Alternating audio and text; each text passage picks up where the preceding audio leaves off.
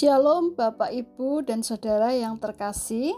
Selamat berjumpa dalam Renungan Samas edisi 15 Agustus 2023 Hari ini kita akan merenungkan firman Tuhan dengan tema Bermisi dalam bertetangga. Mari kita awali dengan doa memohon pimpinan Tuhan. Bapa dalam surga, sebentar kami akan merenungkan firman-Mu. Tolonglah kami agar kami dapat mengerti dan melakukan dalam kehidupan kami, dalam bertetangga, sehingga kami dapat memuliakan namamu. Dalam nama Tuhan Yesus, penolong kami, kami berdoa. Amin. Mari kita baca dari Mazmur 15 ayat 1 sampai dengan 3. Mazmur 15 ayat 1 sampai dengan 3 berbunyi demikian. Mazmur Daud. Tuhan, siapa yang boleh menumpang dalam kemamu? Siapa yang boleh diam di gunungmu yang kudus? Yaitu dia yang berlaku tidak bercela, yang melakukan apa yang adil dan yang mengatakan kebenaran dengan segenap hatinya. Yang tidak menyebarkan fitnah dengan lidahnya, yang tidak berbuat jahat terhadap temannya, dan yang tidak menimpakan celah kepada tetangga. Bapak, ibu, saudara yang saya kasihi dalam Kristus, bagaimanakah seorang ibu rumah tangga bermisi kepada tetangga? Bagaimanakah tetangga kita yang belum percaya melihat Kristus dalam diri kita? Sebagai ibu rumah tangga, saya akan berbagi pengalaman kepada Bapak, Ibu, Saudara sekalian. Semoga menjadi berkat. Menurut Mazmur 15 ayat 1 sampai dengan 3 yang kita baca tadi, ada banyak sekali yang bisa dilakukan oleh seorang ibu rumah tangga dalam menjalankan misi kepada tetangganya.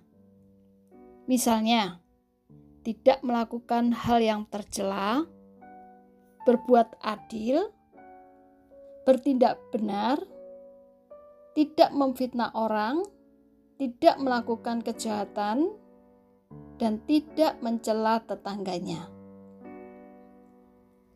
Ketika tetangga memfitnah kita, kita harus memaafkannya, bukan membalasnya dengan fitnahan. Ketika kita diperlakukan dengan tidak adil, kita harus sabar dan tidak mencelanya. Kita harus berpikir positif. Anggaplah dengan kehadiran mereka sebagai tetangga kita menjadi alat Tuhan untuk menjadikan kita lebih sabar. Hal itu kita lakukan karena semata-mata kita ingin mereka menyadari bahwa orang Kristen itu mendahulukan kasih dan pengampunan. Singkatnya, apa pun yang kita lakukan atau katakan, kita harus lakukan seperti untuk Tuhan dan bukan untuk tetangga kita semata. Sebagaimana di dalam Kolose 3 ayat 17. Dengan begitu, tetangga kita akan bisa melihat Kristus dalam diri kita yang penuh kasih dan pengampunan. Dan bisa jadi mereka akan malu sendiri. Selain sebagai ibu rumah tangga yang hidup di perkampungan atau tanah kaflingan, saya juga memberi les privat kepada anak-anak tetangga yang mau dengan upah yang sangat murah. Saya ingin menjadi berkat bagi tetangga saya.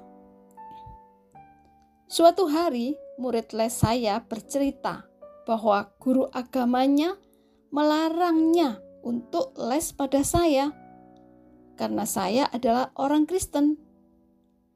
Puji Tuhan, murid les saya itu tidak terpengaruh. Bahkan mengatakan pada gurunya bahwa guru lesnya itu sangat baik padanya.